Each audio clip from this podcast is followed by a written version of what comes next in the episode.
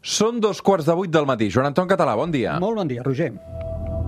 3, 2, 1, seganya!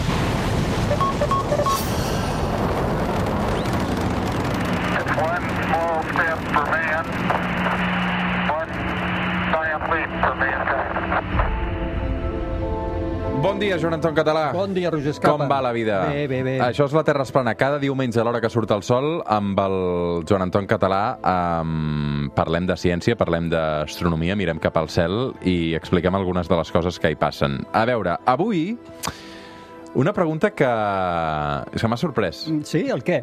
Per què volen els avions? Una secció per respondre una pregunta que tots en algun moment segurament ens hem fet. Eh, Sabem que té alguna cosa a veure amb el motor, amb el vent, amb les lleis físiques, però la majoria eh, en sabem el funci- no en sabem el funcionament exacte, um, tot i que és un mitjà de transport que pràcticament tothom ha agafat. Avui a la Terra es plana volem amb avió. M'ha sorprès perquè ni tan sols els experts es posen d'acord. No, bé, de totes maneres que ningú s'espanti. Jo ara fora d'antena, de, de, de micro, et preguntava com portaves això de volar i m'has dit que no tens cap problema, però sabem que sí que hi ha gent que li fa coseta. Sí. No voldria en cap cas que aquest programa servís per desmotivar encara més aquesta gent o per desmotivar altra gent. Una cosa és, com explicarem, que hi ha discussió sobre les lleis físiques que realment governen el vol d'un avió, i no, sembla que no ho sabem tot de, en, encara, i l'altra és que els nostres enginyers aer aeronàutics fan uns dissenys perfectes, seguríssims, uh -huh. dels avions, i només cal agafar les estadístiques. És moltíssim més probable que tinguis un accident anant en cotxe o fins i tot anant caminant pel carrer que en un avió. Eh? Per tant, desconnectarem les dues coses. Els avions funcionen perfectament, volen seguríssimament, seguríssimament, però ara veurem que la física que hi ha al darrere ens té alguna sorpresa amagada. Mm. Clar, uh, quines forces actuen en, en, per fer aixecar un avió? Clar, això és el primer que hem d'entendre, hem d'anar a la física i, per tant, hem d'anar a entendre les forces que actuen quan un avió vola. En són quatre, eh? i en tenim en parelles de dues i dues. Primera, les dues forces que actuen de manera horitzontal. Tenim l'impuls l'impuls dels motors, aquesta és claríssima, i en sentit contrari, la resistència de l'aire. No és el mateix volar a l'atmosfera, que és el que fan els avions, que volar a l'univers, cosa que no fan els avions. Això és una cosa. I, per altra banda, tenim les dues forces que actuen en sentit vertical. Una és la nostra conegudíssima, quotidiana, eh, que sempre guanya la partida, que s'anomena gravetat, que vindria a traduir-se amb el pes, per entendre'ns, que tiba de l'avió cap a baix, i en sentit oposat, i aquesta és la clau, una força que n'ano- n'anomenem la sustentació, que és la que provoca que l'avió s'enlairi, vagi cap amunt i venci a la gravetat. I aquesta, la de la sustentació, és la que provoca les discussions que ara veurem. El que passa és que l'explicació més comuna té a veure sobretot eh, amb les ales dels avions. Sí, això és el que et dirà qualsevol persona una mica que hagi llegit, també el que trobaràs si Perquè fas... veiem els ocells, no?, també, com funcionen. Per exemple, i si vas a Google o a l'internet i fas una cerca molt ràpida, veuràs aquesta explicació, que és la com estan fetes les ales d'un avió. Eh? I, I quan tu mires les ales d'un avió, les estructures d'aquestes ales no són planes. Eh? Si les poguessis, si les miressis de perfil, te n'adonaries de que tenen un llom a la part alta i són com planes per sota. Eh? Aplanades per sota i un llom per sobre. I aquest perfil el que genera és una circulació d'aire diferent per sota i per sobre de l'ala i això és el que dona sustentació a les ales i permet volar. Aquesta és l'explicació més tradicional, típica, però veuràs que no està clar que sigui només aquesta l'explicació.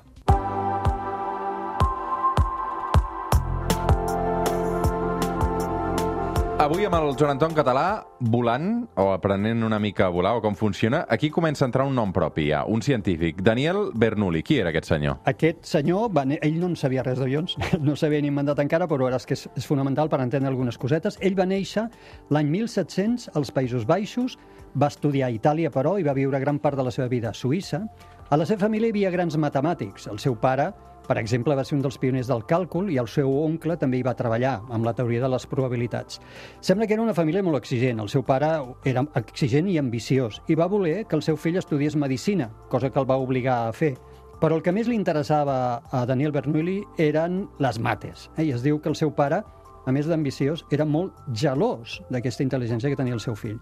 L'any 1738, Bernoulli va publicar la seva obra mestra, que es diu Hidrodinàmica, on estudiava matemàticament el moviment dels fluids, com ara a l'aire. I, de manera molt resumida, Bernoulli ens va explicar que quan un fluid es mou de pressa, genera menys pressió que quan es mou a poc a poc. Ara veurem com això lliga amb el vol d'un avió. Què va descobrir o què té a veure eh, Bernoulli amb el funcionament de les ales d'un avió? Ara ja podem anar a l'avió, retornem al nostre avió amb ales, en aquest perfil diferent que tenen les ales a la base, que són planes, i a la part alta, que són corbades.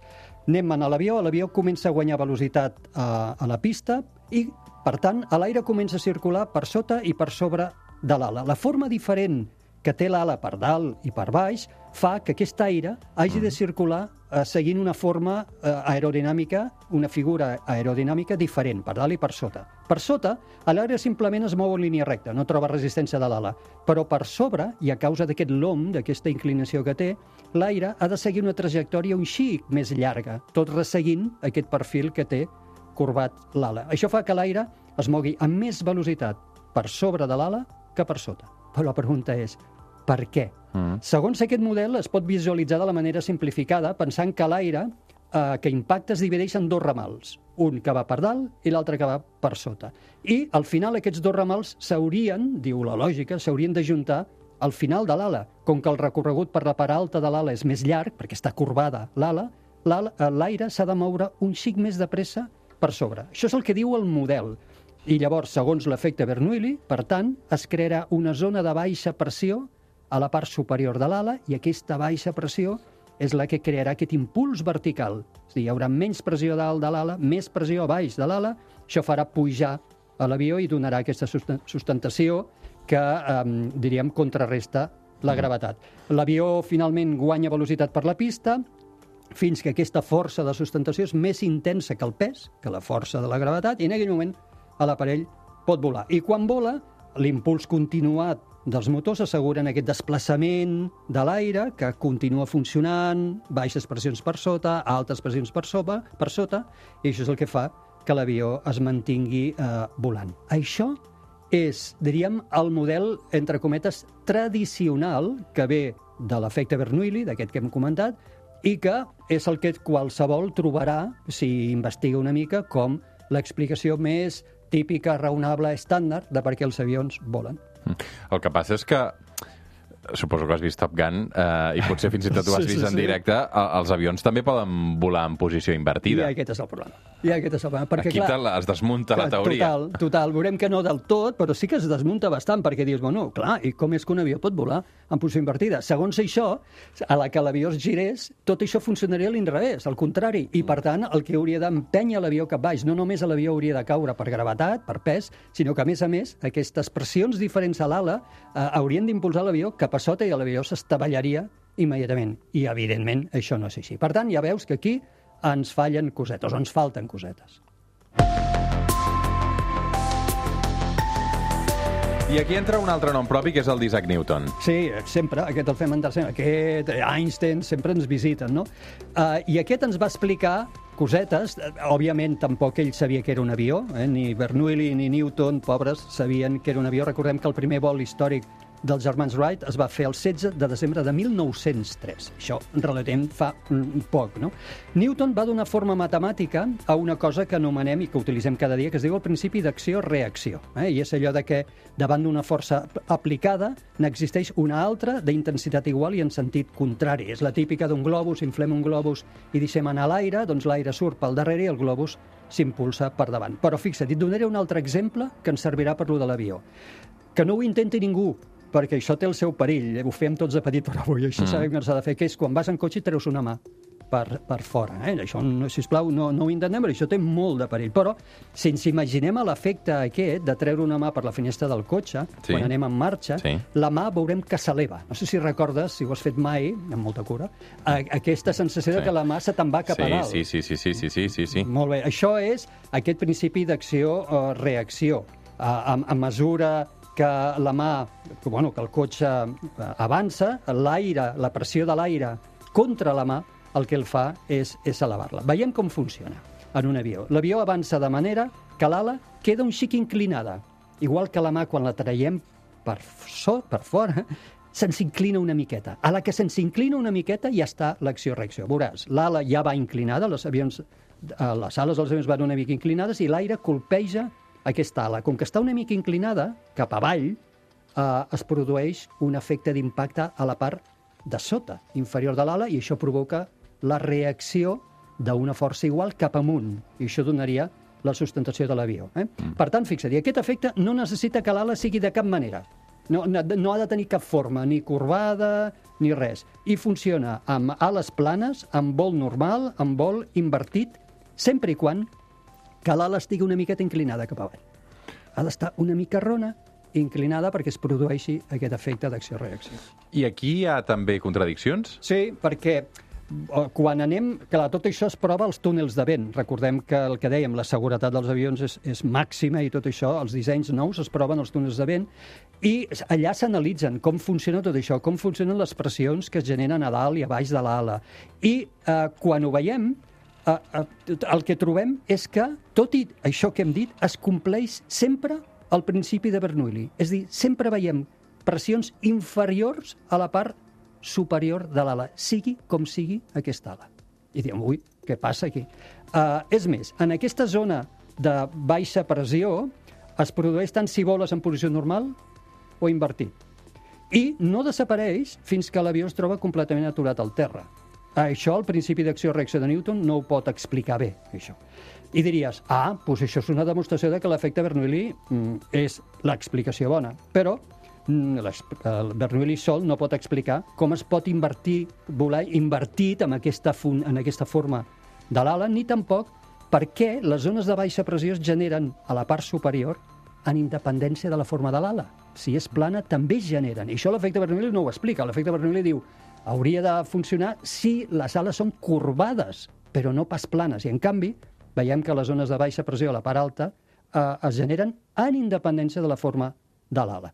Tampoc s'ha demostrat que no és certa aquella explicació que dèiem eh, per justificar el per què generen aquestes pressions baixes que dèiem abans. La raó és que l'aire ha d'anar més de pressa per sobre que per sota per ajuntar-se al final. No, la veritat és que això s'ha demostrat que és fals. Res obliga l'aire, pobret, a que eh, les molècules s'hagin d'ajuntar, hagin de tornar a coincidir al final de l'ala. I, de fet, no ho fan. Eh? Quan els meus al laboratori, no, les molècules no se separen i s'ajunten després al final. Per tant, sembla com si ni Bernoulli ni Newton, cap de les dues explicacions, ens puguin explicar del tot per què eh, vola un avió i necessitem les dues alhora, mm. perquè part, part d'una explicació i part d'una altra explicació.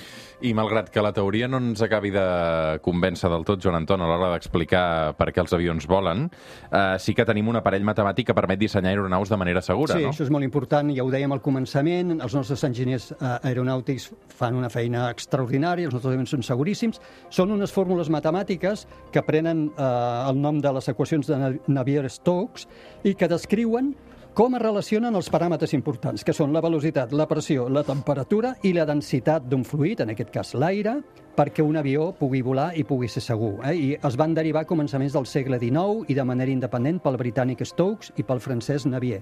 Són unes equacions complicadíssimes de resoldre, de manera que el que es fan són aproximacions, el que en matemàtiques són aproximacions successives, de manera que amb ordinadors molt potents cada cop fem unes resolucions d'aquestes equacions, unes aproximacions més bones, i això es tradueix amb millors avions, més eficients, més segurs, però recordem que tinguem un aparell matemàtic, aquestes equacions, que ens permetin dissenyar bons avions, no vol dir que entenguem la física que hi ha al darrere. I aquí és on encara avui, ple segle XXI, tenim dubtes com hem vist, de quines són realment les explicacions físiques que ens permeten entendre com eh, vol un avió. De fet, deixa'm dir-te només que Einstein, en el seu moment, té una frase literal, que la llegeixo, que diu haig de confessar que mai he trobat una explicació simple a aquest fet, el vol de l'avió, ni tan sols en la literatura especialitzada. Mm.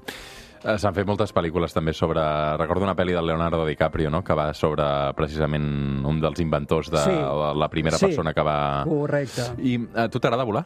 Uh, um, sí, a mi, jo he volat molt, ara volo menys, però durant la meva etapa a les multinacionals vaig haver de volar molt i ho trobava divertit, sempre finestra, saps? Perquè m'a- m'agrada Travessar els núvols. M'agrada gaudir, sí, del paisatge i quan no hi ha núvols, no? veure i entendre per on vaig. És a dir, imaginar, ah, per on dec anar? Eh? Sí, a mi m'agrada, m'agrada. Estàs molt. més a prop de les estrelles, no? També, eh, bueno, des d'allà es poden veure fenòmens, a vegades veure un planeta brillar com Venus o Júpiter des de dalt és super emocionant, sí, sí. A, a mi en general m'agrada. I les turbulències? Uh, les porto bé. Home, no m'agraden. No crec que hi hagi molta gent que et digui que li agradin, eh? però les porto bé. Perquè al final penso és que és el mitjà de transport més segur que hi ha. És que no n'hi ha un alt, de veritat, si me la pego aquí, hòstia, ja és mala llet, no? I, i en paracaigudes t'hi has llançat mai? No, però tu m'has dit que sí. Sí, ho, bueno, ho vam fer aquí al suplement fa 3 Ja, anys. ja. No ho I- tornaré a repetir. Ja, ara, ara m'ho deies. no, no, no ho tornaré a repetir micro. perquè, no, perquè ho vaig passar molt malament. Ja. Després ho vaig gaudir, però, però la prèvia de, l'avioneta, pujant, una avioneta que era una tartana, eh, una finestra oberta, anar veient com tothom es llença, encara que saltis amb una persona especialista, amb especialista eh, el moment de caure al buit aquells 40 segons... Fixa't que... No, En canvi, després, quan s'obre el paracaigudes, ja dius, mira tu, Ja. fantàstic. Fixa't que normalment, clar, estem fent coses increïbles. És a dir, tu et llences en paracaigudes, anem a un avió, fem submarinisme, mm. nadem al mar, pugem muntanyes... És a dir, l'Homo sapiens, la nostra espècie, és una espècie que ha conquerit, o està conquerint tots, absolutament tots els mitjans, no? I anem a l'espai, tots els mitjans, quan de fet la nostra espècie va néixer tocant a terra, de peus sí, a terra. sí, no sí. està preparada ni per volar, ni per anar per sota del mar, ni per llançar-se en paracaigudes, ni fer res No, per llançar-se en paracaigudes, per suposat que no estem preparats. És que penso, i si, i si topes contra un ocell? Que, contra un... Deu estar previst, no? Bueno, sí, però si tu vas a... t'estampes contra un ocell, què? Bueno, no sé, a mi m'han explicat moltes històries, per exemple, d'avions, hi ha moltes anècdotes de gent que a més conec personalment, eh? vull dir, no és allò que t'ho expliqui un cunyat, eh, de, de coses que han passat, d'aquelles que dius, com és possible, no? Un avió gros, d'aquest de passatger molt gros, intercontinental, volant amb una ala només funcionant, un, amb els motors d'una ala, perquè l'altra hi havia un forat complet i l'avió aconseguint volar fins fer un aterrament d'emergència, però tranquil, suau, a mig camí, i dies després... Ara eh, deia, l- l'ocell em preocupava a mi amb el paracaigudes, eh? ja, ja ho entenc, perquè no portes, no portes protecció, però entenc que això ha d'estar Sí, sí, sí, sí. d'estar previst. Que sí, que sí, que sí, sí. Quan agafem el cotxe ens posem molt més en risc, això ho Sí, sabem. bé, claríssim, i no, i no ens n'adonem. Mm -hmm. No, vas conduint i vas per una autopista i, o per una carretera i depens no només de tu, sinó dels, dels altres, no? I no ens adonem del perill ni de les estadístiques. Eh? Joan Anton Català, un plaer. Moltes gràcies per Gràcies haver-nos a tu. acompanyat aquest diumenge. D'aquí una estona mirem també cap al cel i veiem a quina hora surt i es pon el sol. Una abraçada. Fins Igualment. ara. Ara tornem.